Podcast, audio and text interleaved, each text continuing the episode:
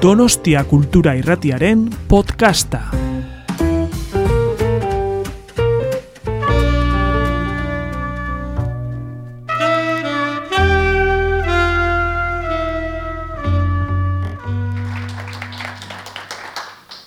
Arratxaldeon. Qué manera de empezar, eh, Elena?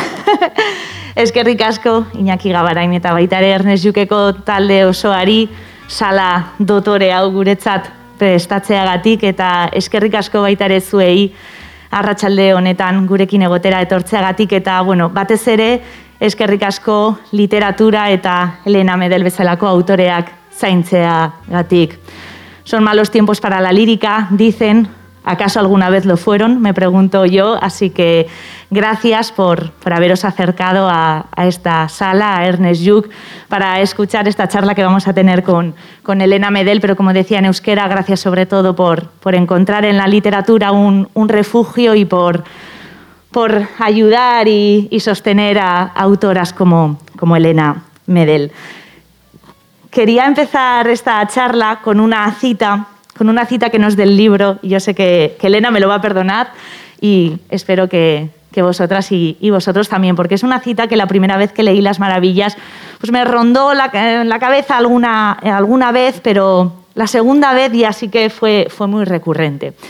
Para empezar la charla quiero invocar a, Virginia Woolf y a esa cita que seguro que habéis escuchado, y es lo que necesita una mujer para escribir dinero, debe tener dinero y una habitación propia. Traigo esta, cita porque pensaba leer Las Maravillas, que no es casualidad que Virginia Woolf pusiese el dinero por delante de la habitación. Y es verdad que pienso que casi siempre es imposible una habitación sin tener dinero. Y subrayo lo de dinero porque esta tarde, aunque os parezca una grosería, vamos a hablar de dinero. Así que a menos que me hagáis alguna moción de censura, este va a ser, creo que, uno de los temas principales, porque lo son también en las, en las maravillas. También vamos a hablar sobre nuestra historia. Y también digo nuestra historia porque creo que en las maravillas está la historia de nuestras madres, nuestras tías, nuestras abuelas, de, de tantas mujeres. Y también va a ser un repaso por, por esa historia y sobre, sobre todo pues basándonos en este, en este espejo que creo que ha escrito Elena Medel con las, con las maravillas. Decía Iñaki que, que tal vez conozcáis a, a, Elena por su faceta de, de poeta. Os cuento también que Elena nació en Córdoba, pero ha venido de más cerca, viene de, de Madrid y, y, efectivamente la conocimos con, con la poesía, con ese primer poemario que, publicó siendo tan, tan jovencita. Después han venido otros, también ha habido ensayo.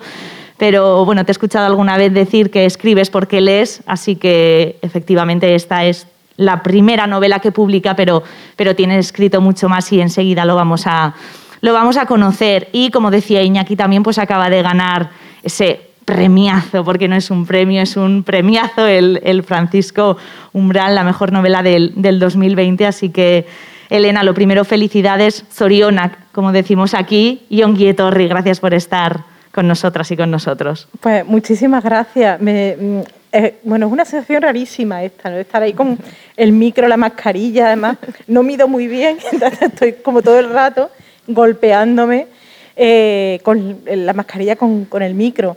Eh, muchísimas gracias. La verdad es que en esta vida extraña que, está teniendo el, libro, es la tercera presentación. El libro salió hace ya unos, unos cuantos meses.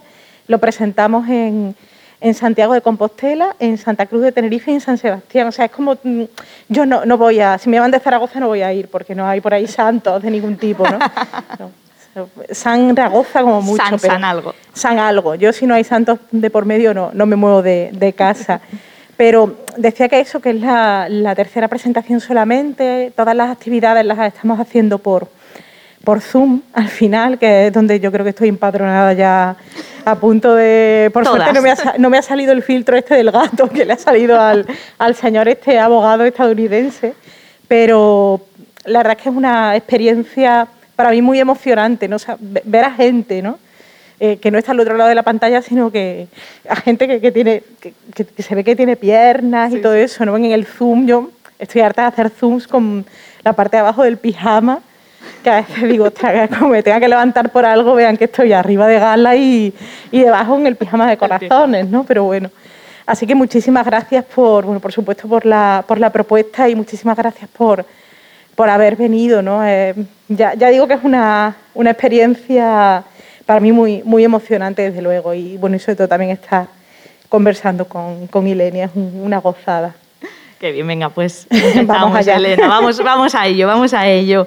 Em, lo primero, como decíamos, eh, siendo una poeta de guardia, que diría Gloria Fuertes, ¿Cómo así que te encontramos en, una novela? Porque, como decíamos, hay más escrito, pero, pero ¿cómo así? Yo he escrito siempre narrativa al mismo tiempo que poesía. De hecho, cuando era muy pequeñita, eh, mis padres lo que conservan, que conservan muy poquito, pero lo que conservan son cuentos de mi infancia, ¿no? escritos con siete, ocho, nueve años. Y hasta la adolescencia yo no me encontré con, con la poesía, no descubrí la la poesía y no empecé a, escribir mis propios poemas. Entonces digamos que antes estuvo la, narrativa, pero al mismo tiempo la poesía fue casi lo, primero, el, primer género en el que yo comprendí que quizás eh, los textos estaban, no sé si más hechos, eh, se podían leer, por así decirlo, ¿no? Eh, al margen de, de, aquellos archivos de ordenador, ¿no? pues aguantaban una lectura ajena. Y es una sensación de seguridad que yo no llegaba a tener con la narrativa. Tuve una mala experiencia porque llegué a terminar un libro de cuentos y que me pidió una editorial y que me rechazó. Entonces ahí me quedé súper hundida y, además que pasó filtros muy exigentes. O sea, tengo una amiga que no quiero nunca que lea mis libros porque es, es terrible, o sea, el libro que pasa por sus manos, el libro que destroza. Y aquellos cuentos pasaron el filtro de mi amiga. Igual que y no lo había pasado el libro de poemas anterior que me había dicho que era una basura, etcétera, y que yo lo había publicado. Pero eh, aquella amiga dio lo que a los cuentos. Entonces, por eso me quedé como muy chafada cuando me, cuando me rechazaron. Además, fue como muy.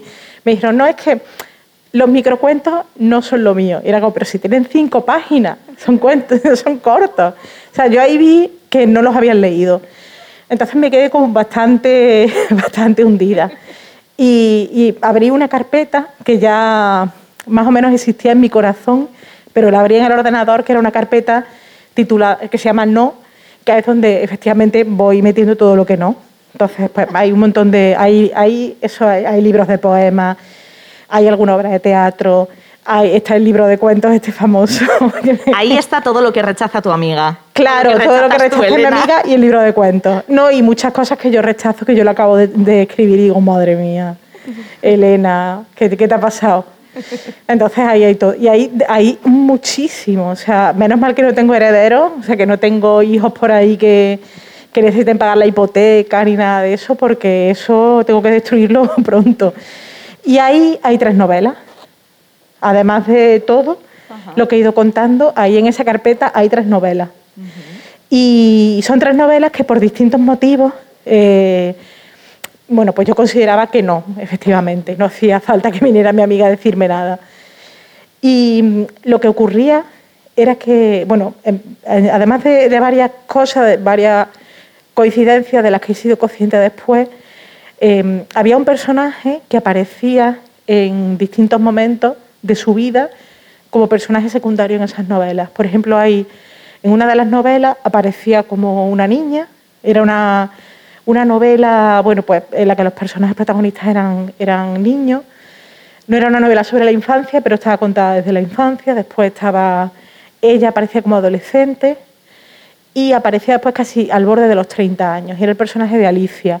No era este personaje de Alicia, pero sí era alguien que se llamaba Alicia que tenía rasgos muy parecidos, etcétera. Y de hecho, como por noviembre me quedé, me pasó, tuve un drama porque me quedé sin ordenador, se me rompió. Y claro, para, para alguien que es freelance, quedarse sin ordenador es terrible. Entonces tuve que mm, recuperar un ordenador antiguo que mm, funcionaba fatal, etcétera. Empecé a borrar archivos y empecé a borrar textos y textos y textos que tenía y había cuentos en los que aparecía Alicia, que son cuentos como de 2012, 2013. Entonces hubo un momento en el que yo me pregunté, bueno, no sé en qué fallo, o puedo tener una idea de, en qué momento fallo, pero me apetece volver a intentarlo, ¿no? Es como yo, yo tenía como mi objetivo de quiero escribir la novela, ¿no? Por lo menos quiero, no sé, yo escribo mucho por gusto también, ¿no? Por el gusto de, aunque esto no se publique, pero por el gusto de escribir la novela. Y empecé a, a preguntarme, bueno, pues sobre el empecé a hacerme preguntas sobre todo. Y empecé a preguntarme por qué ese personaje me interesaba tanto como para haberla incluido en esos tres intentos anteriores de, novela. Y, bueno, empecé, si han leído la, novela, hay un capítulo que es El Reino. Ese es el primer, no es el primero de la novela, pero sí es el primero que yo escribí. El borrador de, del reino es el, inicio, digamos, por así, decirlo, la semilla de, la novela. Cuando lo tuve escrito, que no se parece demasiado a, lo que a lo que yo, bueno, pues al final ha, aparecido publicado porque hay mucha corrección, etcétera, pero, pero de ahí empecé a hacerme más preguntas, ¿no? ¿Quién es Alicia? Eh, que ya estaba más o menos no respondida, pero sí empezaba yo a, tener algunas claves. Eh, quién es la madre de Alicia, quién es la abuela de Alicia, qué ha pasado antes de esto que cuento y qué va a pasar después. Y ahí empecé a, ir respondiendo preguntas. Ya que nos hemos metido de lleno en la, novela, vamos a seguir por ahí con, más preguntas que siempre suelen ser mejor que, encontrar respuestas. Eh, lo comentaba Iñaki, la primera cita de, la novela perdonad mi inglés, es Clearly Money has something to do with life. ¿Por qué, Elena, nos cuesta tanto hablar de dinero y parece que a ti te, ha costado poco? Bueno, que el dinero es parte fundamental de mi vida, principalmente porque no lo tengo. Entonces, como no lo tengo, me paso la vida mm, los días pensando en cómo voy a a pagar el alquiler, cómo voy a... que además me da mucha vergüenza porque lo digo mucho en las entrevistas y siempre pienso, como me lea mi casera, no, no soy nada creíble, o sea, me tienen que renovar ahora en abril y estoy temblando, le voy a proponer pagarle un año de golpe, ¿no? Y que me echar cuenta. Sabe, que has ganado un premio. Sí, le voy a mandarle el enlace del premio Umbral.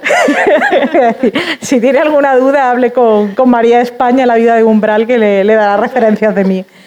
No, pero pero sí, sí, que es cierto que, para mí es un tema importante porque, porque claro, yo no, vengo de una, de una familia que, me permita eh, estar tres meses mirando a la, esperando que aparezcan las musas, ¿no? Para, para iluminarme y escribir un, texto genial, ¿no? Yo, por desgracia, no, no es mi circunstancia y, y, es algo que, ha estado siempre muy presente en mi vida y que ha estado siempre muy presente en, en la vida de quienes me rodean, porque, bueno, pues al final mis amigas tienen tienen los mismos problemas y, forma parte muy importante de nuestras conversaciones. Y es cierto que nos da mucha, mucha vergüenza y, mucho pudor hablar de dinero y por eso, por ejemplo, recurrimos tantas veces a, conceptos como los de la clase, la clase media, ¿no? La clase media, que es como para no decir que eres clase baja y para no decir que eres clase alta, pues clase media.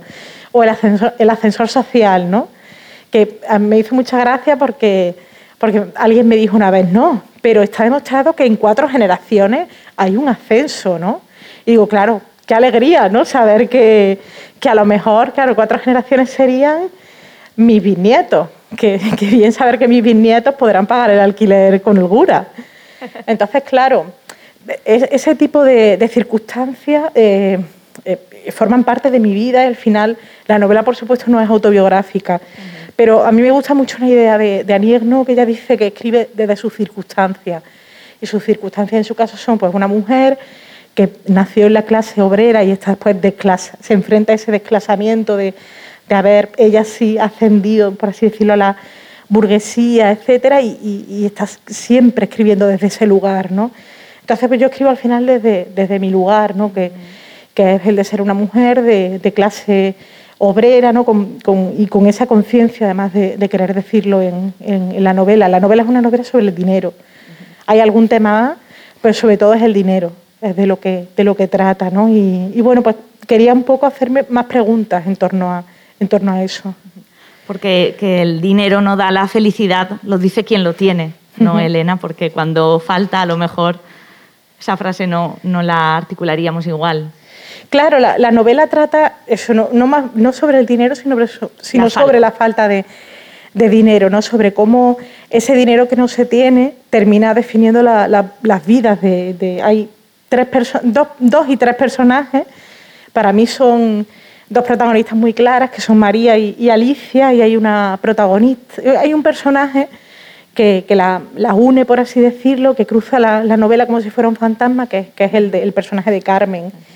Ellas tres, ellas dos, eh, tienen unas vidas que están definidas por, por esa, no sé si renuncias, porque ni siquiera tienen la posibilidad de plantearse si, si hay algo que puede ocurrir. ¿no? La, las vidas de estos personajes están más bien eh, cimentadas en, esas decisiones que, se toman porque no hay otra opción, porque no hay un dinero que permita tener otra, otra opción. Entonces estoy siempre con el miedo al spoiler, ¿no? Entonces en la novela no hay, no hay ningún asesino, etcétera, pero estoy como con miedo de decir algo más que, que, no deba decir. Claro, eh, no, no, queremos hacer spoiler, pero sí que eh, quería leeros algún fragmento, sobre todo ahora el, comienzo de la novela, porque creo que es una declaración de intenciones total y, que demuestra muy bien esto que, estaba diciendo Elena, porque el dinero no da la felicidad, pero tal vez algo de tranquilidad sí, ¿no? No sé si eh, salís de casa sin dinero o si esos 10 euritos, ¿no? Ese billete os dan algo de, bueno, de relajo, ¿no? Porque en la novela a la protagonista le sucede así, dice, Buscan sus bolsillos sin encontrar nada. Vacíos los del pantalón, también los del abrigo. Ni siquiera un pañuelo de papel húmedo, arrugado. En la cartera apenas guarda un euro, otra moneda de 20 céntimos. Alicia no necesitará el dinero hasta el cambio de turno, pero le incomoda esa sensación de no tener apenas. Trabajo en la estación de tren, en una de las tiendas de chucherías y bocatas, la que está cerca de los aseos, así suele presentarse. En Atocha pagaría comisión en todos los cajeros, así que se baja en la parada de metro anterior para sacar en una oficina de su banco 20 euros que le brinden algo de tranquilidad. Sin dinero, vamos desnudas por la calle casi. Y no solo sin dinero, sino sin dinero en metálico. Claro que Eso es, hoy no está es una novela prepandémica entiéndanlo porque la acabé, la acabé de, escribir en agosto, el 31 de agosto de 2019. es el, primer borrador. Entonces no podíamos imaginar que en, todas partes nos iban a, decir, por favor, em, antes intenten pagar con tarjeta antes que con metálico, ¿no? Pero el dinero en metálico te permite eh, organizarte. Si tú sabes que tienes 10 euros, no te pasas de esa, de esa cantidad, ¿no? Te, te las arreglas como, bueno, pues como sea para pagar lo que tienes que pagar, eh, calcular, etcétera. Si tienes la, si tienes más holgura económica, ¿no? si tienes más posibilidad, pues sí que pagarás con más alegría con tarjeta, ¿no? Sí que no mirarás tanto lo que gastas. Pero el dinero en metálico, esto es algo que me enseñó mi abuela Pepita, eh, el dinero en metálico, claro, te permite organizarte muy bien. Yo escribí, hay parte de la novela, eh, yo la escribí en cierto modo, siempre digo de caminando, porque hay mucha, mucha, mucho viaje por Madrid, que es la ciudad que, protagoniza también a su modo la, novela, y, muchas veces salía a, medir las distancias, por ejemplo, a ver qué era posible que el recorrido que, yo describía mm, lo hicieran las protagonistas. Eh, también, por ejemplo, hay una, si han leído la novela también, eh, hay un, capítulo, La Templanza, en el que María cuida de una anciana, etc. Yo me llegué a meter en ese portal, fui expulsada por, el portero de inmediato, pero, pero llegué a ver el portal a ver si era posible que ese portal que yo describía fuera, efectivamente lo era, o sea que está todo, está todo cuadrado. Pero me, importaba mucho apoyarme en, cuestiones, no sé si, yo creo que quizá por inseguridad mía, ¿no? por bueno, pues por ese miedo a, a, fallar, a que hubiera algo que, no cuadrase, etcétera, pero, pero caminaba mucho, escuchaba mucho, hay muchas conversaciones eh, robadas en, transportes públicos, etcétera, y hay también muchos casi gestos y costumbres que yo iba anotando y, que, a las que iba recurriendo cuando, armaba cada capítulo, etcétera. Por ejemplo, recuerdo en eh, dos notas que prácticamente dieron pie a un capítulo entero. Una de ellas era una conversación entre dos mujeres en el baño. Esa nota era una conversación entre dos mujeres en el baño. Y otra de ellas era, mira a su alrededor y en el bar es casi la única mujer. Entonces es un episodio que es la fiesta, eh, perdón, es la batalla, que para mí siempre va a ser la fiesta, o sea, yo misma confundo, y, que bueno, pues por una parte uno es la primera escena, que es la, en la que están en el bar y, María es testigo de una, de una conversación entre sus amigos, y, la, primera anotación es la segunda escena, que es la, conversación de María con, otra mujer en el, en el baño. ¿no? Entonces, por ejemplo, el fragmento que tú has leído parte también de una anotación que era incluso casi más larga del, que el fragmento, sobre esa necesidad del, dinero en metálico, ¿no? esa sensación de tengo algo por una parte y tengo algo que puedo administrar, que sé que, que sé que es real, ¿no? Que, no, que no es algo que de repente me voy a encontrar con que tengo que pagar dentro de 15, 20 días, etcétera.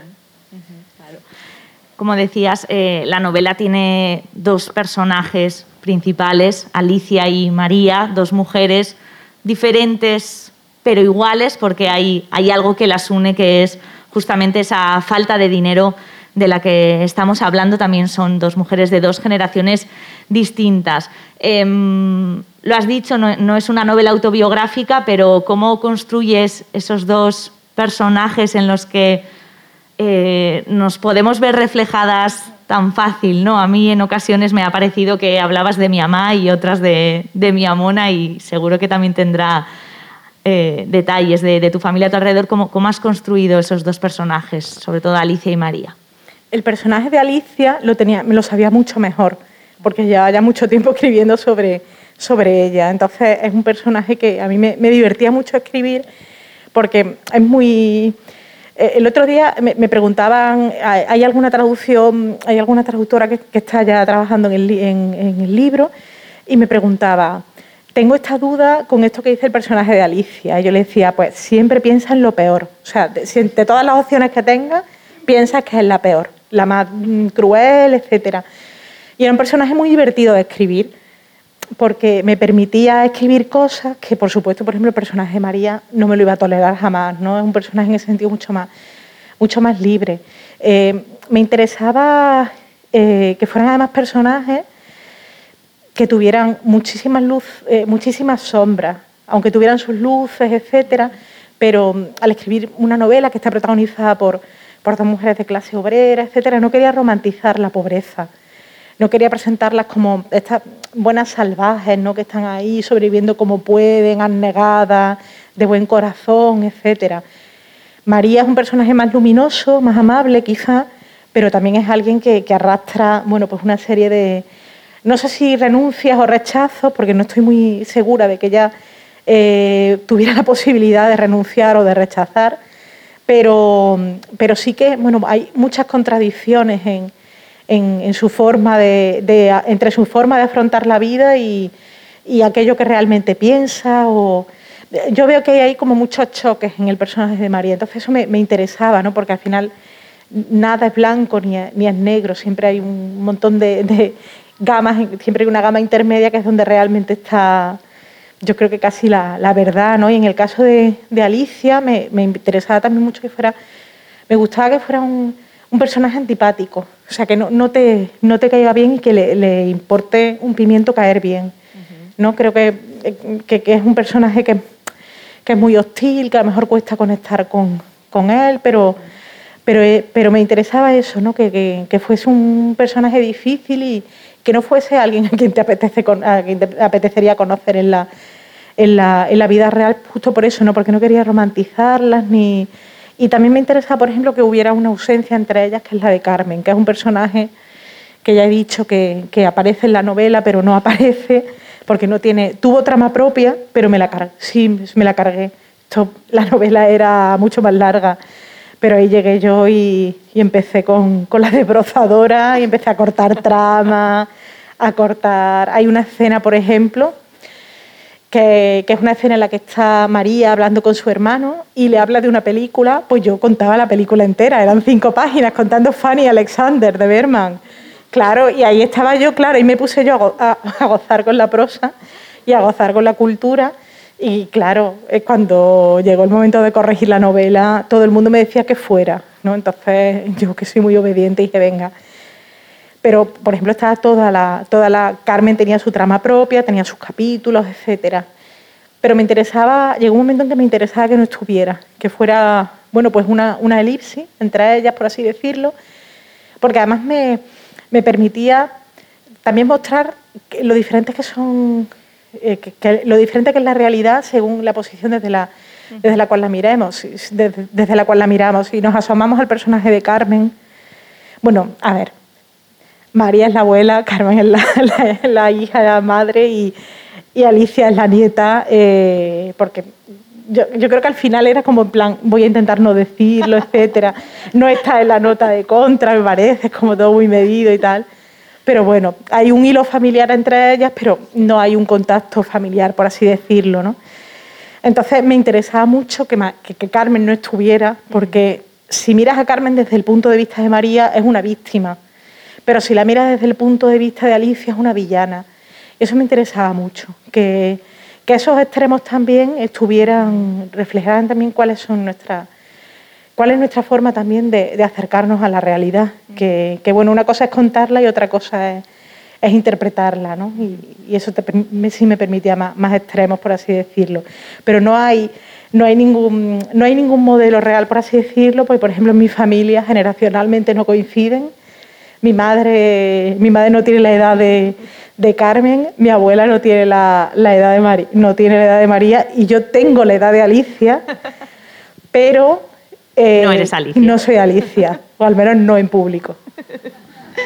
Ahora que has eh, mencionado la posición, Elena, igual que esa cita de Virginia Woolf, también había algo que, que se me repetía en la cabeza continuamente y era eso de que lo personal es político.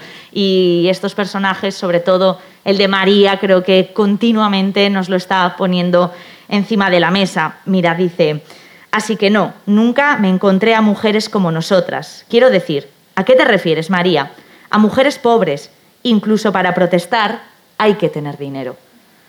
¿Cómo has jugado también con esa, esa posición o esa, esa lucha de clases? Porque sobre todo en, Alicia también se ve como sube y baja, si podemos hablar de ese ascensor, pero, pero María también lo tiene claro continuamente cuál es su posición. Claro, es una novela política. A mí me, encanta, me parece que es una etiqueta que pónganmela, ¿no? En plan en la frente. Yo quisiera pensar que todo lo que escribo lo es. Eh, porque además mi, forma de estar en el mundo y de pensar el mundo es política, ¿no? Entonces no es una etiqueta que me, eh, que mm, me, parece muy bien. Bienvenida sea. Y quería que, lo fuera además de una... Por, varios motivos. El primero, por ejemplo, es que tiene que ver además con los otros libros, quizás, sobre todo con el de poemas últimos. Em, nos han enseñado, nos han dicho, hemos aprendido, etcétera, que una historia protagonizada por, por una voz masculina o un poema con una voz masculina eh, habla de lo universal, apela por, igual a hombres y a mujeres. Sin embargo, cuando esa voz es femenina, en una novela, en un cuento, en un poema, habla de las cosas de las mujeres. Se transforma en un texto íntimo. Bueno, puede ser íntimo, pero sobre todo es político. Habla de dinero, habla sobre la precariedad, etcétera, ¿no? No hay, bueno, hay intimidad sí, pero la justa. Entonces me interesaba mucho eso, afrontar una historia que, está protagonizada por mujeres em, deliberadamente y, de una manera eh, pues muy frontal, ¿no? Y contar pues al final una historia que yo creo que se puede que, eso, que, señala, ¿no? Igual a un lector que a, una, que a una lectora. Entonces quería un poco partir de ahí y, tomar un poco también esa escritura de las circunstancias de no ¿no? De, la que hablaba antes y, traer, a mí hay una, poeta que me gusta muchísimo que es Ángela Figuera, em, ella en, sus poemas logra hacer algo que yo creo que es casi fundacional y es cómo toma eh, los espacios íntimos, que son una vez más los que se asocian a las mujeres, la cocina, el salón, el dormitorio, el mercado, que no es íntimo, pero, pero es el sitio donde van las mujeres, eh, y eh, construye desde ahí sus poemas son rabiosamente políticos, radicalmente políticos. ¿no? Eh, retrata una época desde el salón de una, de una casa. Yo quería hacer algo parecido. Quería tomar esos espacios y no politizarlos porque ya están politizados, ¿no? llenarlos de ideología. De hecho, la, la novela, durante los primeros meses de escritura, se titulaba Ideología, para horror de todo el mundo menos mío, que me pareció un ideón. Entonces, era como, como estoy, estoy... ¿Y a tu amiga? No, esta amiga ah. supo de la novela cuando había acabado el borrador. Sí, ah, porque le hubiera parecido fatal. Bueno, está fatal. Pero sí, lo hubiera rechazado, pero a nadie le gustaba ideología. Y bueno, yo intenté defenderlo, pero, pero, muy rápido lo tuve que modificar porque aquello no. No, porque restringía mucho la lectura. Porque al final, ideología no es solo política, o sea, creo que política es algo más amplio. Y creo que ideología apunta a una lectura que está ahí, pero que, era demasiado parcial quizá, y cerraba mucho la, la, novela, ¿no? por así decirlo. Pero, pero era un poco esa idea, ¿no? Eh, y bueno, está, la política está continuamente, ¿no? Está, hay, están las conversaciones en, en, la batalla, ¿no? Las conversaciones sobre quiénes van a contar la, la historia, desde qué lugar, ¿no? cómo, vamos, cómo estamos leyendo ahora todo lo que ha ocurrido, a, eh, través de qué filtros ¿no? estamos conociendo lo que ha pasado en, en las últimas décadas, etcétera. ¿no? Todas esas conversaciones están en, la novela. Y la precariedad, que también las has mencionado en, en, esta novela, tanto Alicia como, como María tienen trabajos precarios, algo que empieza a antojarse universal. Em, ambas tienen que dejar su pueblo para, para, trabajar y trabajar de lo que sea por ganar ese, ese poco dinero para poder pagar un piso, enviar dinero a, a casa, porque sobre todo la historia de, de María, que es eh, la mayor de, de, las dos, ¿no? Como, como, tiene que salir de casa y, y dejar allí a, a, su hija al cuidado de, de sus padres, ¿no? de, su, de su familia tanta precariedad sin, sin contar que creo que, que empieza a ser universal, no, no solo de un tiempo pasado como el que podría ser de María, sino el de ahora. ¿no? La novela llega hasta el 2018, pero podrías estar escribiéndola en el 2021, Elena. Claro, yo creo que al final la precariedad no es una cuestión generacional, sino de clase. Está enraizada en, la clase baja, en la, clase, en, la historia de la clase baja ¿no? y de, de la clase obrera. Y, quiero decir, estamos hablando de precariedad ahora cuando, yo pienso, por ejemplo, en mis tíos, los que se tuvieron que ir a, Alemania a trabajar, ¿no? que, tenían pues las condiciones que, tenían. ¿no? Yo creo que forma parte de, nuestra historia y forma parte también, creo en cierto modo, es una pieza de ese puzzle casi como de la vergüenza, ¿no? de, que estamos intentando esconder o resolver de, de mala manera ¿no? con esa esas cuestiones, pues yo decía antes, ¿no? de clase media, ascensor social, etcétera, ¿no? como si fueran cuestiones que tenemos casi que esconder debajo de la, de la alfombra. ¿no? Entonces, eh, en la novela, por ejemplo, se abre con. hay un capítulo eh, que es casi una apertura, una bienvenida, en la que aparecen Alicia y María con, con, con la voz narradora que las está mirando alternándose. Y, y después uno pues se presenta con María regresando en el año 69 por primera vez a, su ciudad, que es muy curioso porque es una, quiero decir, en ese segundo capítulo eh, aparece el origen, el barrio de origen de, María, que es un barrio de una ciudad, eh, no es un pueblo, es el barrio de Cañero, en Córdoba, que es el barrio en el que nació mi, padre. Eh, pero es un barrio que se empezó a construir en los años 50 para, para que se instalaran en él eh, las familias que vivían en chozos, en chabolas, etcétera, ¿no? para darle una, una, vivienda, una vivienda digna, ¿no? por así decirlo. Eran viviendas construidas con materiales muy malos. De hecho, lo cuento en la novela, ¿no? Como es normal que se caigan los muros, etcétera, y así me lo contaban a mí, ¿no? Que era como, bueno, pues cada día se caía el muro de uno, el techo de otro, porque estaban construidos mal y casi que lo primero que se intentaba era casi reconstruirlo, ¿no? ese terreno, etcétera. Y, bueno, pues pasaban los años y no faltaban las calles, eh, no había luz, no había agua, por lo menos tenían un techo, pero, pero no tenían otros otros servicios. Y eso estaba ocurriendo a finales de los 60, en, las afueras de, una ciudad como Córdoba. ¿no? Entonces, eh, o por ejemplo, incluso en, la, la novela transcurre en Madrid el personaje de María llega al barrio de Carabanchel y se instala allí y en Carabanchel había zonas un poco más amables, por así decirlo, como la zona en la que, en la que vive ella, que es la zona en la que vivo yo ahora. De hecho, el piso de María es el piso mío. No hay mucha, ya digo que no hay mucha imaginación en la, en la novela. Y, esa zona era más o menos, ya digo que amable, ¿no? Que, bueno, pues tenía buenas comunicaciones, etcétera, pero había zonas que, que, eran, bueno, pues prácticamente eso, pues poblados de chabolas, etcétera, ¿no? Es como si hubiéramos construido nuestra memoria eh, escondiendo debajo de la alfombra aquello que nos, que da vergüenza o aquello que no es favorable a esa imagen como de modernidad, etcétera, ¿no? En, cierto modo también la, la novela en algunos momentos revisa el sueño de los años 90 a través del personaje de Alicia, cuando parecía que, todo iba bien, que éramos ricos, que, habíamos entrado en el primer mundo y, bueno, pues al, poco tiempo familias como la de, Alicia se despiertan y vuelven a la casilla de, de salida.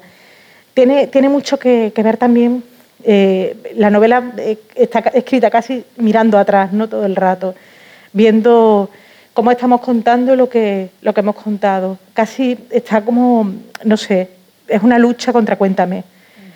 Yo quería, pensaba mucho en, en el bar. batalla la tuya, ¿eh? Pues yo estoy dispuesta, voy a ir con todas mis armas. A por ella.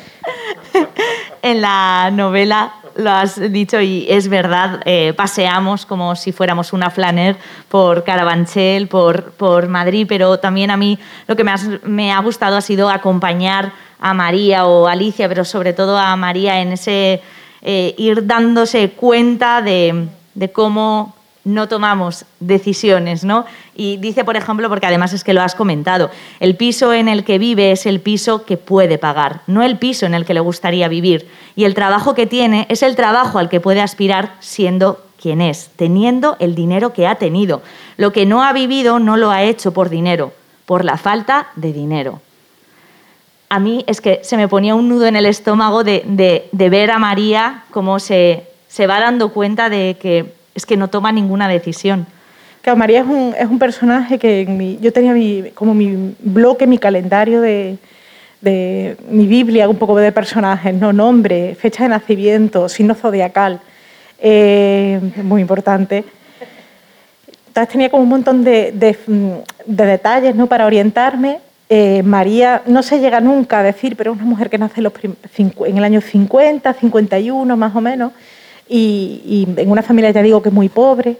Eh, tiene con 18 años que irse a Madrid a, servir en una, en una casa, a cuidar de, del hijo de, los señores de la casa, mientras deja a su hija allí en, Córdoba con, sus padres y con su hermano, que es un hermano pequeño, que parecía que era un poco la esperanza de, de la familia, que parecía que iba a ser el que podía haber llegado a estudiar algo y que al final, bueno, pues que, que termina como los otros hermanos trabajando con 11 o, o 12 años, y, ella parte un poco de, ahí, mm, no, se, no llega en ningún momento a tomar ese, ascensor social, porque en ningún momento puede, puede hacerlo, pero sí que yo creo que recorre otro camino que para mí era mucho más interesante, que es el ideológico. Ella va siendo cada vez más consciente de cuál es el lugar en el que, en el que está, de por qué está en el lugar en el que está, eh, de cómo es el, mundo que la rodea y de cómo también son quienes la rodean con ella. ¿no? Y en ese sentido tiene mucho que ver también la relación con, Pedro, ¿no? con, su pareja, que, bueno, es alguien que a priori eh, podría ser un igual socialmente, incluso en, temas políticos, etcétera, pero ella empieza a darse cuenta de que, de que no lo es. ¿no? Entonces todo ese camino, que además es un camino eh, en algunos momentos casi literal, ¿no? porque aunque sea un camino, un autobús, pero, pero ella va bueno, pues teniendo esas, casi esas sensaciones y, viendo como, bueno, eh, el mundo en el que ella hace algo, por ejemplo, que, a mí me interesaba mucho también, que igual que ante las cosas, cuando las cosas no salen bien, Alicia se hunde, por así decirlo, eh, el personaje de María se hace más fuerte, diga, por así decirlo. Ella en, sus debilidades, sus debilidades las toma como, como, una, como un arma, ¿no? Como, como una herramienta casi de, defensa. No sé si incluso a veces de ataque, pero desde luego de, defensa. Y ella va construyendo aquí su, historia. ¿no? Para mí ha sido muy de las cosas más, hermosas que me han, que me han pasado con, la novela. Eh, he hablado antes de todos estos zooms en los que estamos ahí viviendo. Y, bueno, la novela es verdad que sí, sí, he tenido muchos clubes de lectura. Tengo un poco el tic del club de lectura, ¿no? de contar la novela alegremente. Y, entonces eh, he tenido varios clubes de lectura con asociaciones de mujeres. Y en muchas de ellas, eh, bueno, pues me, contaban que, su experiencia era muy parecida a la de María, que es un personaje que ya digo que no, no está inspirado en, nadie en concreto, no, no hay un modelo de, María, ¿no? por así decirlo, sino que bueno, pues yo iba construyendo un poco con muchas sensaciones, con, también con muchas conversaciones, por supuesto. ¿no? Y, María, por ejemplo, es alguien que, descubre el feminismo viviendo sobre la marcha, no porque nadie le cuente, no porque lea nada, lee, después y le cuentan después, pero ella empieza a descubrir el, feminismo de una forma muy, muy orgánica, aunque la, expresión es horrible, pero de una forma muy, muy natural y muy, viva, ¿no? Y ella es así como, como, va, como va aprendiendo y como va aprendiendo términos o ideas como la sororidad, que probablemente, de hecho, hay algún momento en el que casi se, ríe de, ese tipo de términos, ¿no? Pero, pero bueno, ella sí que va encontrando que su lugar en el mundo es, ese, ¿no? Es con las mujeres y que su forma de cambiar, no sé, pues no sé si el mundo, pero sí el mundo en el que vive por lo menos o lo que a ella le, le atañe, es desde el asociacionismo. ¿no? Entonces yo también ahí sí que quería eh, hacer casi un homenaje político, ¿no? porque en el, para mí una de las cosas más emocionantes de la manifestación del, 8 de marzo primera, de la de 2018, eh, fue esa presencia de, por lo menos en la de Madrid, yo recuerdo ir caminando y ver a un montón de, mujeres veteranas del feminismo, ¿no? de asociaciones que venían de, pues justo yo recuerdo que me, pilló en, la zona en la que venían las de Carabanchel, que yo todavía no, vivía allí, pero venía como todas las asociaciones de Carabanchel y era súper emocionante, pues eso, ver a mujeres muy mayores que llevaban décadas eh, militando en el feminismo y, que no, estaban en mesas redondas, no estaban en cabeceras, etcétera, sino que venían andando desde el barrio. Y eso fue muy, muy emocionante quería en cierto modo que María fuera, imaginar a María como una de ellas. Claro, Elena, es que em, los temas eh, de la novela son, son universales, el, dinero, la precariedad, pero es cierto que están contados desde el punto de vista de una mujer y dándonos cuenta de, lo que ha supuesto esa precariedad, esa falta de dinero y todo lo que ha sucedido siendo, siendo mujer. Y ahí está María, que yo creo que lo que encuentra es, es un refugio y una luz en el feminismo, pero ella eh, no, no pierde de vista que es una mujer yo nací para casarme y tener hijos, y cocinar, y limpiar la casa, y quizá para trabajar fuera mientras no trabajaba dentro. Pero mi vida fue otra y quiero mantenerla aunque ella eh, incluye esos cambios y se va encontrando con el feminismo, la sororidad también de, otras mujeres, de darse cuenta cuántas veces eh, ha callado y se ha encontrado en, otra posición e incluye algunos cambios, ella no pierde de vista que, es una mujer y, eso la ha marcado toda la vida y, la sigue marcando. ¿no? Y forma parte además eso de una conversación con Pedro, que es la pareja de María, mm. en la que Pedro le vende las ventajas de casar, casarse, irse a vivir juntos, desde el punto de vista fiscal. O sea, básicamente le dice que le va, a salir, le va a salir mejor la declaración de la renta si la hacen juntos que si la hacen separados. ¿no? O sea, él, les pone, no, no, tanto por una cuestión emocional, sino por una cuestión de, de que se lo han dicho a los hijos de uno que, que, que, que hacen la declaración de la renta y que, les puede salir mucho mejor. ¿no? Ahí hay una ensayista que a mí siempre digo mal el, apellido, que es Eva Youf, o igual lo digo bien de repente, pero... Em, ha sonado bien. Ha sonado. pues sí, vale. Eh, que a mí me, desde ya desde el libro de poemas anterior, desde Chatterton, que bueno, tiene sus años porque es de 2014, pero, pero ya cuando lo escribí eh, me interesaba mucho, ella habla, entre muchas otras ideas que son siempre eh, luminosas, ella habla, habla, sobre, no exactamente, no es el término exacto creo, pero el capitalismo emocional, sobre cómo al final estamos construyendo nuestras relaciones emocionales, no solo de pareja, sino también de amistades, muchas veces de familia, etcétera, eh, con la lógica y lógica del capitalismo, ¿no? sobre eh, cómo estamos con alguien no eh, por lo que nos aporta, material o no, no, sino pues bueno, pues yo permanezco junto a esta persona porque me, me brinda seguridad, porque me, porque me da cariño, etcétera. Eh, hay como si estuviera, como si las, relaciones fueran al final como un intercambio, ¿no? De, muchas veces, pues eso, de, emociones, pero intercambio al fin y al cabo. Y en el caso de María y de Alicia, yo quería también que estuviera esa, esa reflexión, no sé, cómo la precariedad no es solo económica, no es solo laboral, sino que también abarca a las emociones. Y en el caso de María, ella se revuelve ante, ante ellas y decide que prefiere vivir peor, pagar más en la declaración de la renta, pero conservar un poco su espacio propio, aunque, aunque le cueste mucho más llegar a final de mes. Y como con Alicia ocurre todo lo contrario, ¿no? Como se instala en, en una relación espantosa con un hombre que no es tanto espantoso, a mí me da penita, pero sí me da penita.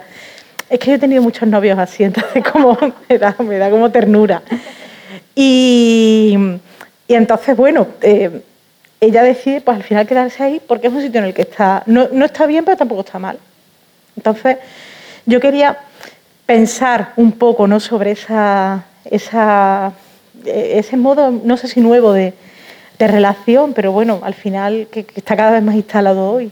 Sí, es que además en, en, ambos casos yo creo que tanto como Alicia como María, frente a la precariedad, los cuidados. Los cuidados también están muy presentes en, la novela, en diferentes versiones, pero también en, esa pregunta de alguien nos ha preguntado alguna vez cómo queremos que nos cuiden, ¿no? Porque le sucede a María con su pareja, con Pedro, que le quiere vender el matrimonio como, la forma de, de cuidar de ella y, y ella se pregunta, pues es que yo no quiero que me cuides así, ¿no? Alguna es que en esa situación nos lo podemos preguntar, cómo queremos que, que nos cuiden, tal vez no. Volvemos a, a, esa precariedad y esa falta de dinero, ¿no, Elena? Claro, y, y sobre todo además no, no, solo tiene que ver con, con, la, con nuestra capacidad o nuestra posibilidad limitada de, de decidir, mm. sino que creo también que tiene que ver con el hecho de que los cuidados nos vienen, la forma de los cuidados en cierto modo nos viene impuesta según nuestro género al final. Eh, cuando alguien enferma, el cuidado recae de inmediato en la mujer que está cerca. La madre, la hija, la esposa, si no se puede, eh, si, si, si, no se pueden asumir o no se quieren asumir y se puede pagar, casi siempre recaen en una mujer. Iba a decir que la que se contrata, pero no. Y porque al final los oficios de los cuidados son siempre femeninos y son casi siempre los, los más precarizados, ¿no? Entonces también esa renuncia a los cuidados y, y todo lo que conlleva desde el punto de vista casi social, de estigma y, de casi de quebradura de, ciertos aspectos de una, de una vida están también en, la novela, ¿no? Cuando María decide no voy a ir a, ahora voy a ir con un poquito de cuidado que está aquí soltando spoiler como si esto fuera eh, en el momento en el que María decide no, no sé si lo decide pero bueno no cuida de alguien y en el momento en el que Alicia decide también no cuidar de, de alguien. ¿no? Claro. Además de, de, los cuidados, el silencio también, Elena, es algo que, que, nos acompaña durante la novela, no solo lo que callan las protagonistas, sino también lo que te callas tú como, como escritora y, y esas partes que no nos cuentas. Eso ha sido, seguro que intencionado, no lo dudo, pero ¿cómo ha sido el trabajo de, de decir, esto me lo callo, ¿no? Como en la vida. Esto me lo callé, pues así se cuenta la historia. Claro, yo, yo lo sé todo sobre, la, sobre, los personajes. De hecho, durante el confinamiento escribí un relato sobre el confinamiento de Alicia. Pero bueno, lo dejé ahí un poco por... En, no está en la carpeta, no. Está en la carpeta Las Maravillas, pero, pero bueno, no, de momento no ha salido, no ha salido. Pero sí, a ver, y ahí yo creo que mm, es un aprendizaje para mí, por lo menos, de la poesía. Uh -huh.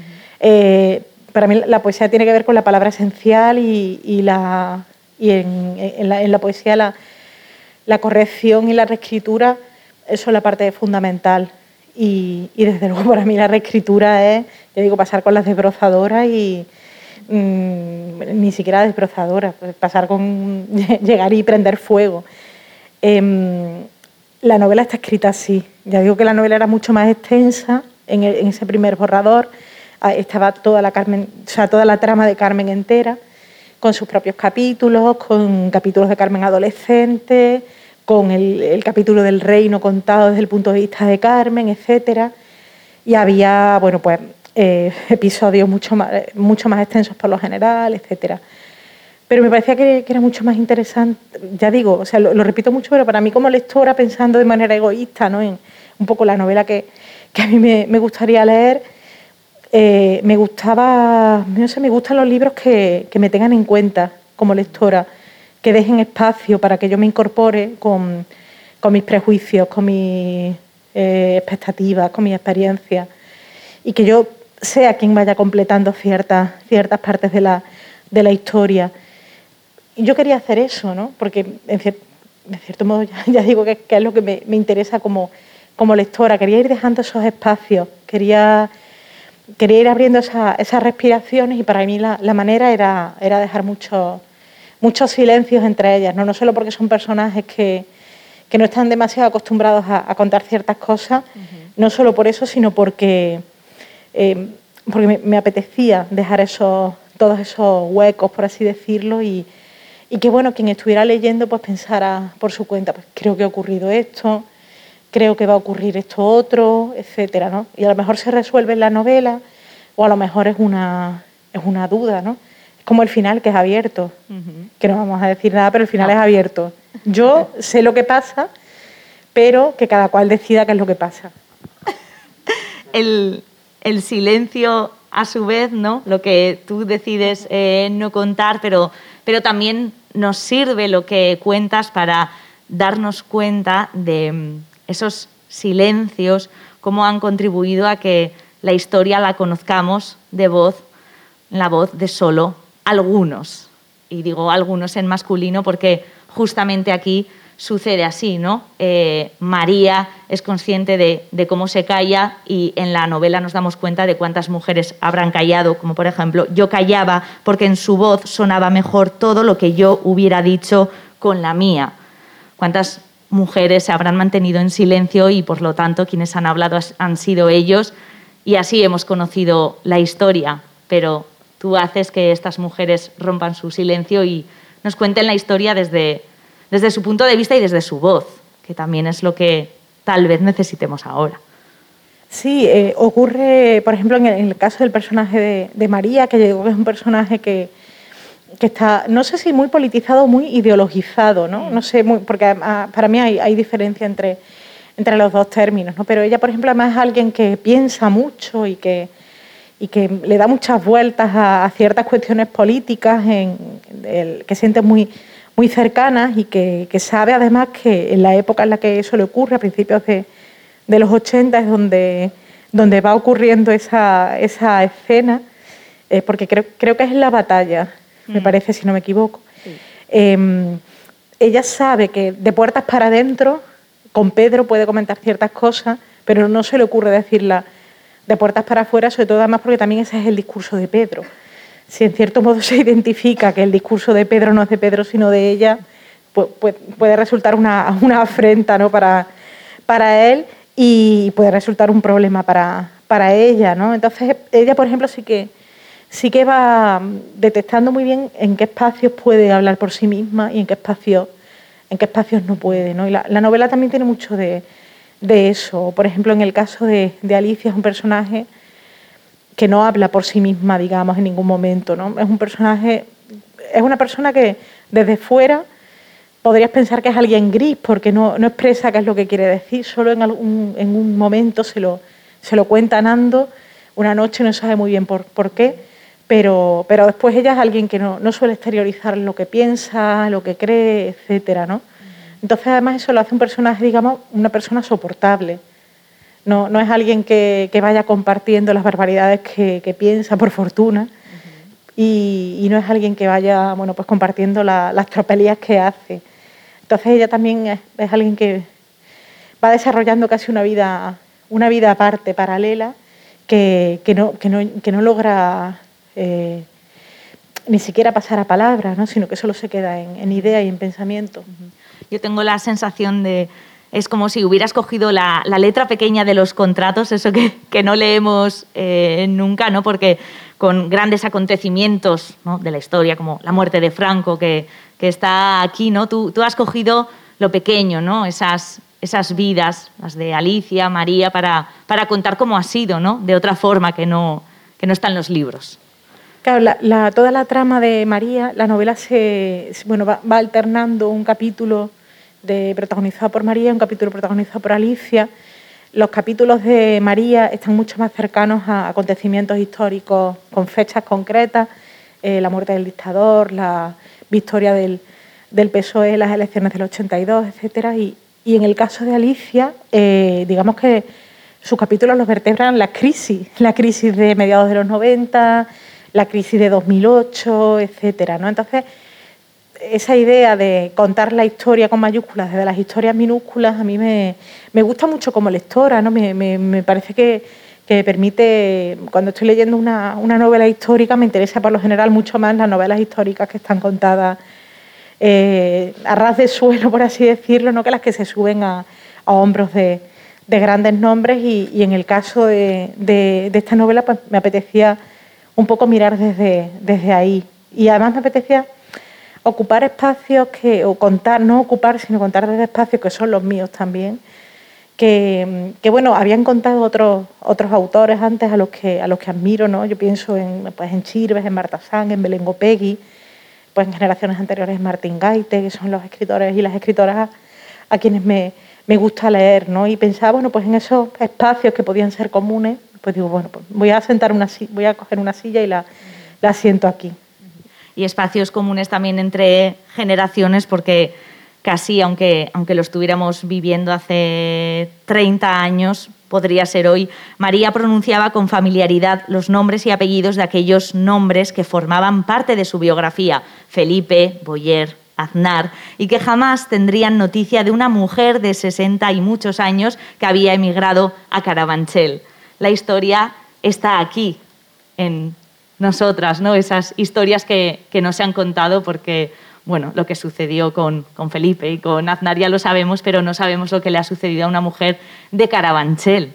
Claro, se trataba de... Hay una, hay una cineasta que mm, se me ha ido ahora mismo por completo, porque siempre hablo de Cecilia Bartolomé. Se me mm. había ido en un momento el, el nombre. Hay una, a mí me, parece interesantísima. Eh, ella, ha subido casi toda su su filmografía a Vimeo. O sea, en su canal de Vimeo están casi todos sus cortometrajes y mediometrajes y dirigió el capítulo de Cuéntame sobre Carrero Blanco.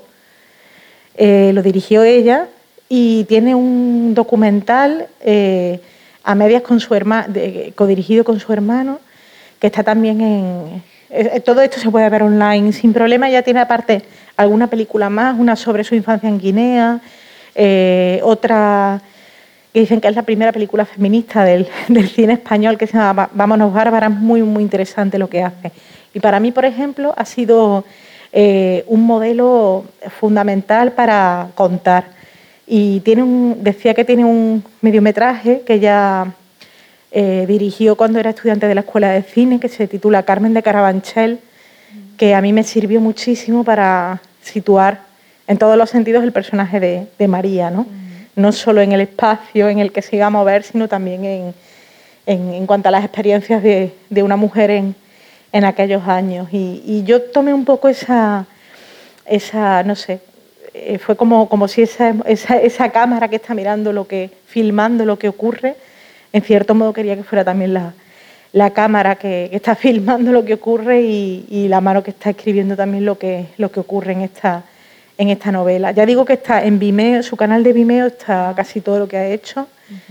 Y después ella ha ido colgando por ahí el resto. Por ejemplo, el documental este que tiene, que son, creo que, son dos, eh, que, es una, especie de biología, eh, es sobre la transición y es una mirada súper interesante. Decíamos al comienzo que es una novela política, pero también creo que, o sobre todo, es una novela realista, no solo porque te bases en acontecimientos históricos, sino por, por lo que estamos contando, ¿no? porque son mujeres de verdad y bueno, hombres de verdad también los que protagonizan la novela. No, no se nos hacen nada desconocidos, los, los situamos aquí y los tenemos muy cerca, ¿no? Se nota que, sí que en esos autobuses has robado muchas historias, Elena. Es una novela garbancera, diría yo, ¿no? Yo reivindico eso. Además aparecen todo el rato tapas grasientas de bares. ¿no? en el fondo, te lo decía antes, que mi, portada soñada habría sido una, eh, un platito de bar con, una tapa además de estas que nadie quiere, pero te terminas comiendo porque al fin en el fondo tienes hambre y con su maíz, su rodaja de chorizo, etcétera.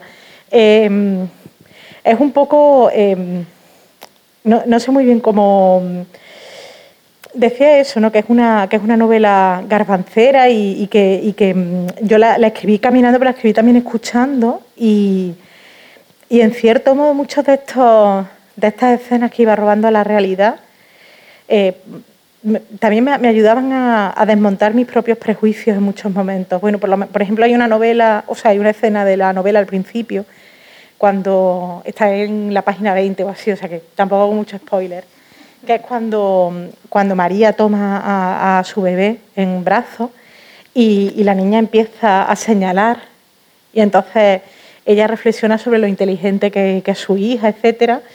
Y esto me lo contó una amiga que se quedó por primera vez sola con su sobrina y, y entonces la sobrina se despertó de la siesta, era, era un bebé, y empezó la niña a señalar. Y entonces ella decía, mi sobrina, qué lista es que me enseña sus juguetes. Claro, la sobrina lo que estaba era orinada y, estaba señalando el cambiador. Claro, porque veía que el tiempo pasaba y nadie le cambiaba y decía, oye, aquí cámbiame el pañal que tengo necesidad. Entonces eso me lo llevé a la, novela y me llevé una conversación en el 118, que es el autobús que va desde Embajadores a mi barrio. Bueno, a mi barrio no, sigue hasta la peseta, pero, pero se paraba al lado de mi casa.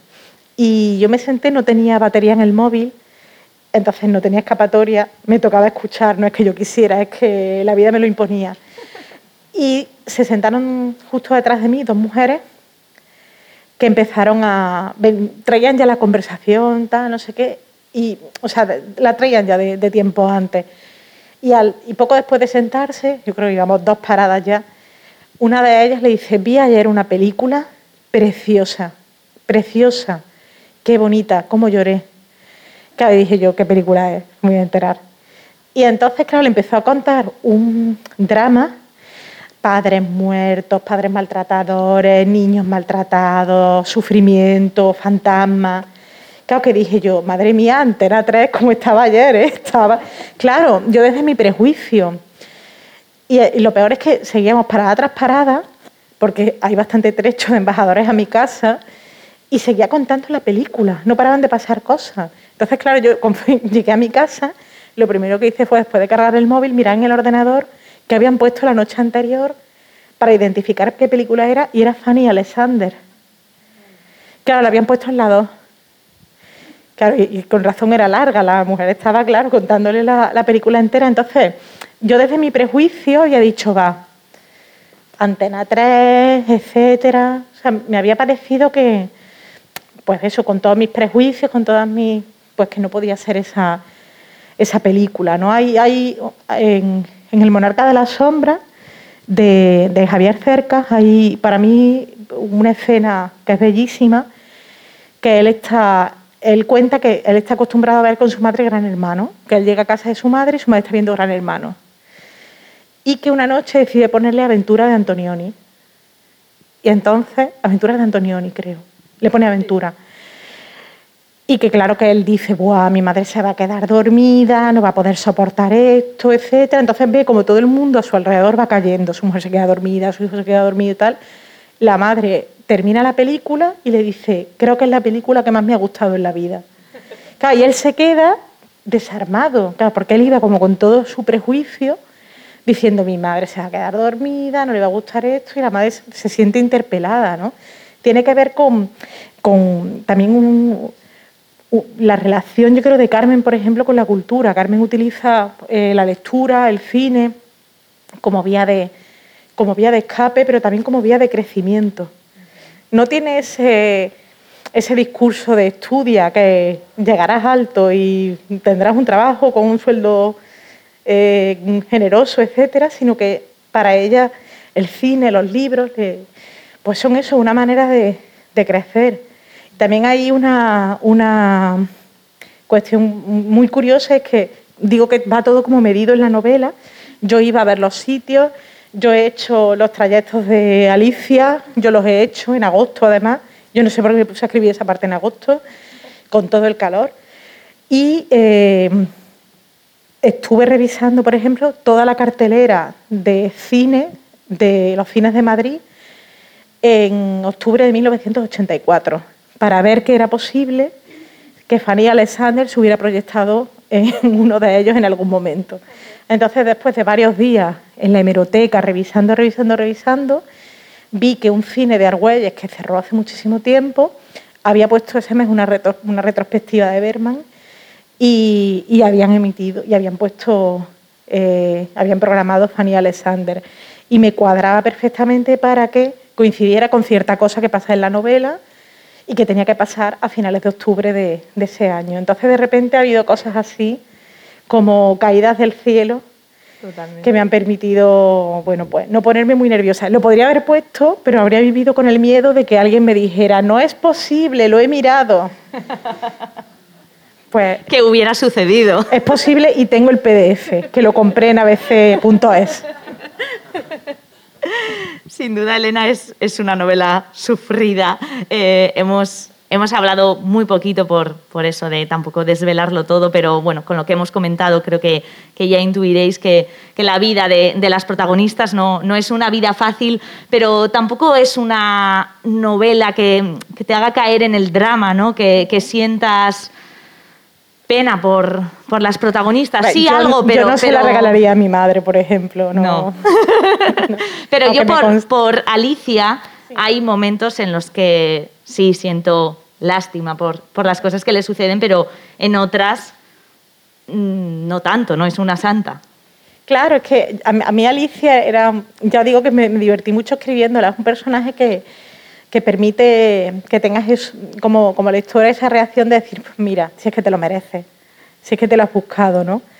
No sé, creo que es un personaje, eh, hay una novela, eh, a mí me gusta mucho A.M. Holmes, tampoco sé si lo digo bien, pero A.M. Holmes eh, tiene una, una, novela que es El fin, de Alice, que no tiene nada que ver con la mía, porque, bueno, es la correspondencia, voy ahí como supermedia con los spoilers, mm. súper recomendable, esa novela es maravillosa. Entonces ella consigue que unos personajes eh, que al principio tendrían que mm, provocar todo el rechazo de quien está leyendo y toda la condena de quien está leyendo, hay un momento en el que, en el que tú estás a mitad de la novela y dices, o sea, están consiguiendo, ella está consiguiendo que sienta empatía por ellos cuando debería ser todo lo contrario, ¿no? Consigue eso en, en que, me, parece que es tan difícil, ¿no? que, que, que es generar una corriente de, empatía cuando en realidad deberías estar leyendo desde el rechazo más, absoluto. No pasa con este personaje, pero porque no llega a los límites a los que llegan esos, esos personajes, pero yo quería hacer algo parecido, ¿no? Era como un poco mi, mi, mi eje al pensar en el personaje de Alicia, que es, que es un personaje que no debería caerte bien, pero en algún momento a lo mejor no te cae bien, pero te da un poquito de pena. ¿no? Y, pero bueno, en otros momentos no te parece muy bien que, todo lo que le pasa. Como en, en, la novela, Elena, vamos hacia adelante y hacia atrás en el, en el tiempo, volviendo al comienzo, em, con todo lo que hemos comentado, es una novela escrita desde el enfado, desde la, la rabia. No lo sé, no sé, no sé muy bien qué decirte. La escribí en unas condiciones, me parece que las condiciones de escritura también son importantes. No es lo mismo escribir mm, tranquilamente, felizmente, sabiendo que cuando cierres la pantalla del ordenador vas a tener el plato servido, etcétera, o, sabiendo que te vas a poder echar una siesta maravillosa. Pues la, novela está escrita sobre todo entre las 6 y las 9 de la mañana, o los fines de semana mientras mis amigas me mandaban selfies, eh, porque habían salido y yo no etcétera, ¿no? Entonces, bueno, eh, está escrita un poco desde esa sensación. No sé si, si desde la rabia, desde el enfado, pero sí un poco desde, desde la sensación de que, bueno, pues la escribía un poco como podía. Y en algunos momentos, pues sí que había, sí que estaba esa sensación y ese, no sé, esa, eh, no sé si rabia, pero sí por lo menos, bueno, pues esa sensación de que había cosas que, que podrían estar mejor y, y no lo estaban, ¿no? Pero tampoco creo que no es una novela, a ver, lo de no regalarla a la más, yo este libro se lo mandé a mis padres. Me han dicho que es muy bonita, muy bonita, hija, muy bonita. Y decía, en fin, pero, pero bueno, quiero decir, no es tampoco, no me parece que sea un libro del que salga desolada, no sé, yo por lo menos intenté que hubiera un poquito de, de felicidad al fin. No, bueno, tampoco felicidad, pero sí de tranquilidad, que para mí es más importante que la felicidad. Sí, algo, algo de luz o de, esa tranquilidad que dan esos 20 euros en, en, el bolsillo. No sé si tenéis alguna pregunta, algún comentario. No vamos a estar solo nosotras comentando todos los spoilers de la novela, tanto si lo habéis leído como si no. Si queréis preguntarle o comentarle algo a Elena, pues es el momento, aprovechar porque no sabemos si conectará por Zoom en otro momento como para responderos, así que ahora que está de cuerpo presente. si tenéis alguna pregunta, galderaren bat Elena egiteko. Bai, aurrera. Muchas gracias. Y la escena que has comentado del autobús cuando hablan Pedro y María sobre cuando Pedro le plantea la posibilidad de irse a vivir juntos, para mí fue ahí como el, es como el clímax de la, de la novela y ya después de eso era como Menos mal que es el penúltimo capítulo. Quiero decir que es como un. Bueno, no sé,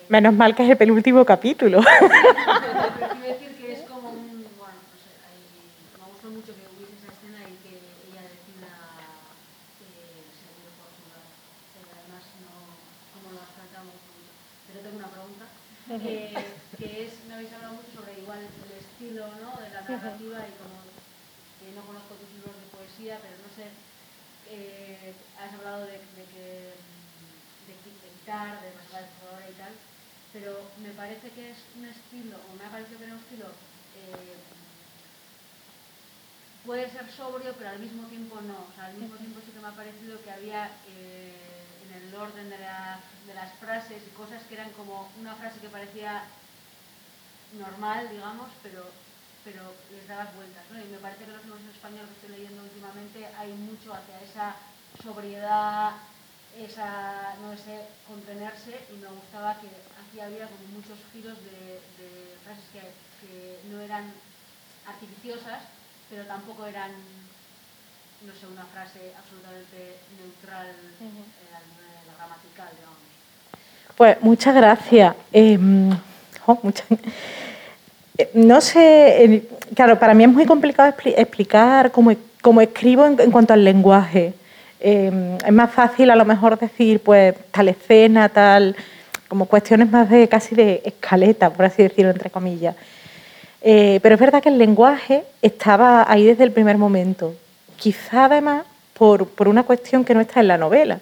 Y es que el principio, digamos, de escritura fue ese borrador del capítulo del reino, que no tenía mucho que ver con, con lo que fue después, porque para empezar eran como 40 páginas más, o sea, ese borrador fueron meses. Tampoco, claro, digo borrador, pero, pero fue, bastante, fue bastante tiempo, etcétera.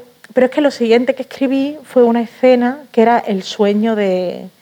Eh, Alicia tiene una pesadilla recurrente todas las noches, etcétera, que, bueno, pues, yo contaba en 20 páginas. Y, yo, por ejemplo, eh, estaba súper contenta de cómo había quedado. Estaba no sé, cuando yo por lo general cuando escribo algo todo está mal, o sea, todo va a no, pero en este caso estaba muy contenta, de hecho estaba tan contenta que lo envié a gente, como en plan, mira lo que he escrito, pum, te lo adjunto, gózalo. Y, a mí me gustaba mucho, mucho, mucho. Y para mí ese capítulo marcó la manera de escribir el resto de la novela, porque cuando yo lo terminé de escribir, eh, reescribí toda la parte del borrador, y ya empecé a perder un montón de páginas, empecé a escribir otras escenas, por así decirlo, me permitió el tono. Y, ese tono tenía mucho que ver casi con el flujo de, la mente, ¿no? Eh, que en cierto modo, pues para mí por lo menos la novela tiene, tiene mucho casi de largo monólogo, es como si hubieran a voz todo el rato pensando y volviendo hacia atrás y volviendo hacia adelante hacia adelante, igual, incluso cuando estamos hablando, cuando estamos contando algo, vamos saltando de tema en tema. Quería que la novela fuese un poco así, ¿no? que tuviese un poco esa sensación casi de, conversación, pero claro, de conversación escrita. ¿no? Entonces, ese, ese capítulo que yo estuve luchando porque se quedara en la novela hasta el final, era el, era, abría el capítulo, abría la novela con eso que toda la gente la leía y me decía, Elena, qué espanto has escrito, o sea, pero ¿cómo es esto?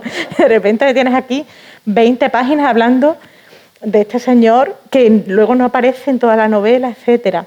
Pero, pero bueno, ahí estaba y, me sirvió para, bueno, para marcar esa sensación casi de, de voz que, que, está divagando, que está contando conforme le vienen las cosas, pero que sabe muy bien lo que quiere decir. Y también que, es una voz muy caprichosa, porque cuando habla de María, está a favor de María.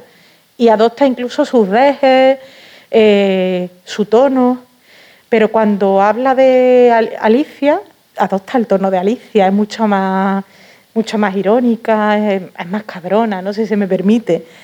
Entonces, bueno, ahí fue en gran en otros momentos no, pero, pero por ejemplo en, el caso de, de, esta, de este capítulo que cayó, me sirvió para encontrar el, el, tono. No sé si me parece, creo que no se parece a mis libros de poemas, eh, la escritura, no, no demasiado.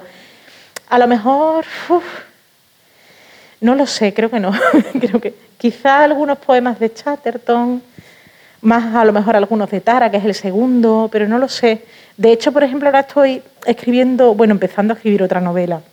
Empezando a escribir otra novela que, he hecho otra cosa parecida, que es empezar con una especie como de monólogo cómico de 25 páginas, que por supuesto no he enviado a nadie todavía porque sé que va a ser rechazado. Y el tono es totalmente distinto, es muy diferente. Yo creo que al final cada libro pide, pide una, una respiración distinta, por así decirlo. Sería muy, muy complicado escribir las maravillas, o sea, para mí sería muy complicado escribir las maravillas con un tono, eh, pues no sé, cómico. No funcionaría con, con, la voz con la que estoy intentando escribir ahora la otra novela. No, no creo que funcionara. Me pasó eso con un libro de poemas y, no, no salió. Así que bueno, algo, algo he aprendido. Pensando en lo que te preguntaba, Daniele, no sé si igual lo que ha tenido más peso es esa labor tuya como editora, ¿no? Porque eres editora en la Bella Varsovia.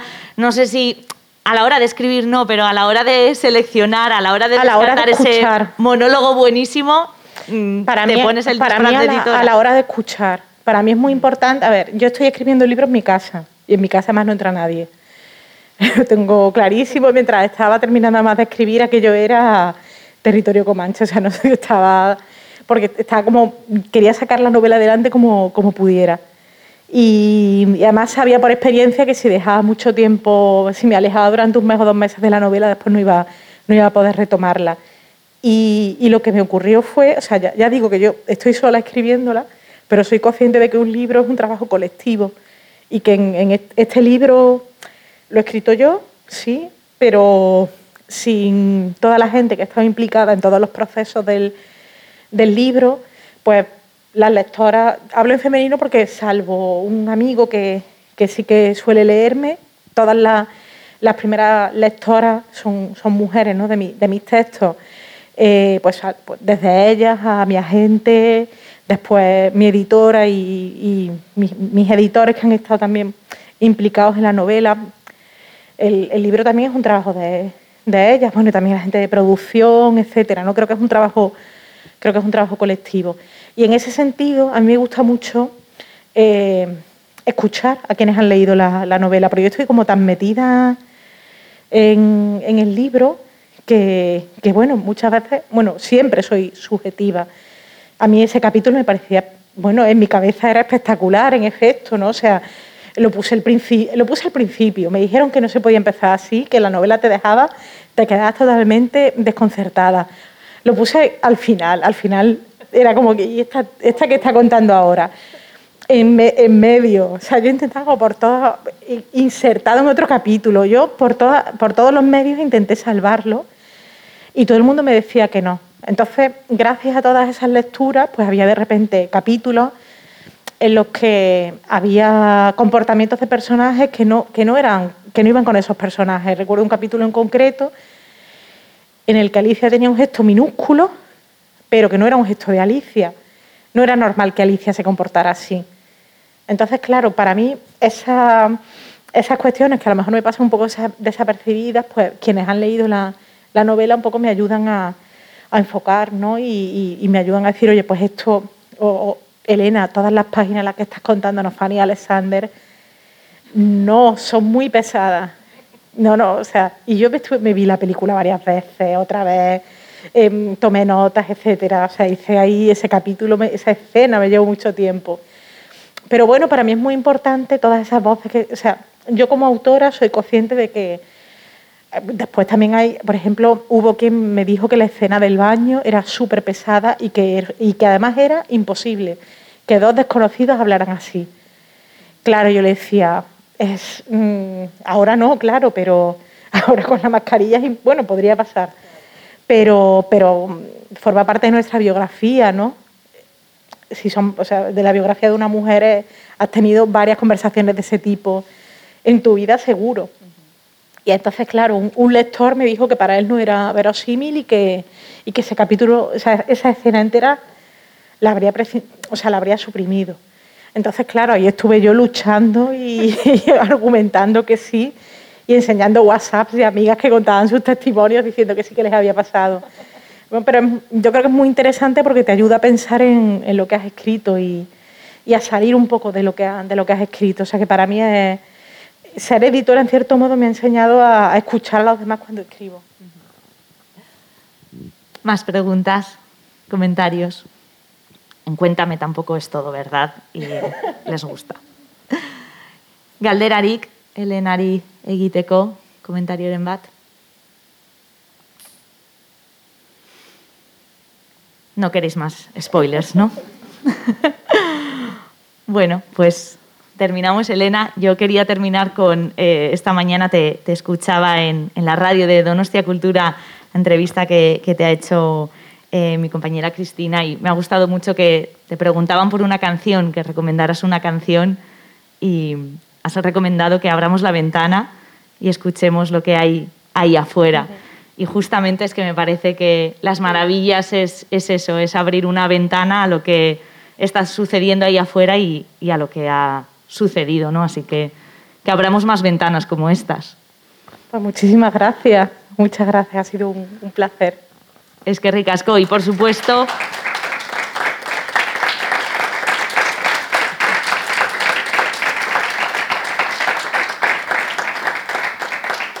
simplemente terminar diciendo que si no habéis leído Las Maravillas, por supuesto que leáis Las Maravillas, pero si también os han entrado ganas de volver a leer una habitación propia, por favor que lo hagáis con esta edición que acaba de salir, que es una edición no solo que debería estar en todas las casas por, por lo que es una habitación propia de Virginia Woolf, sino porque además lleva el prólogo de Elena Medel, pero también las estupendísimas ilustraciones de Sara Morante. Así que si os apetece, por favor, id a por este porque merece la pena. Un pack ganador.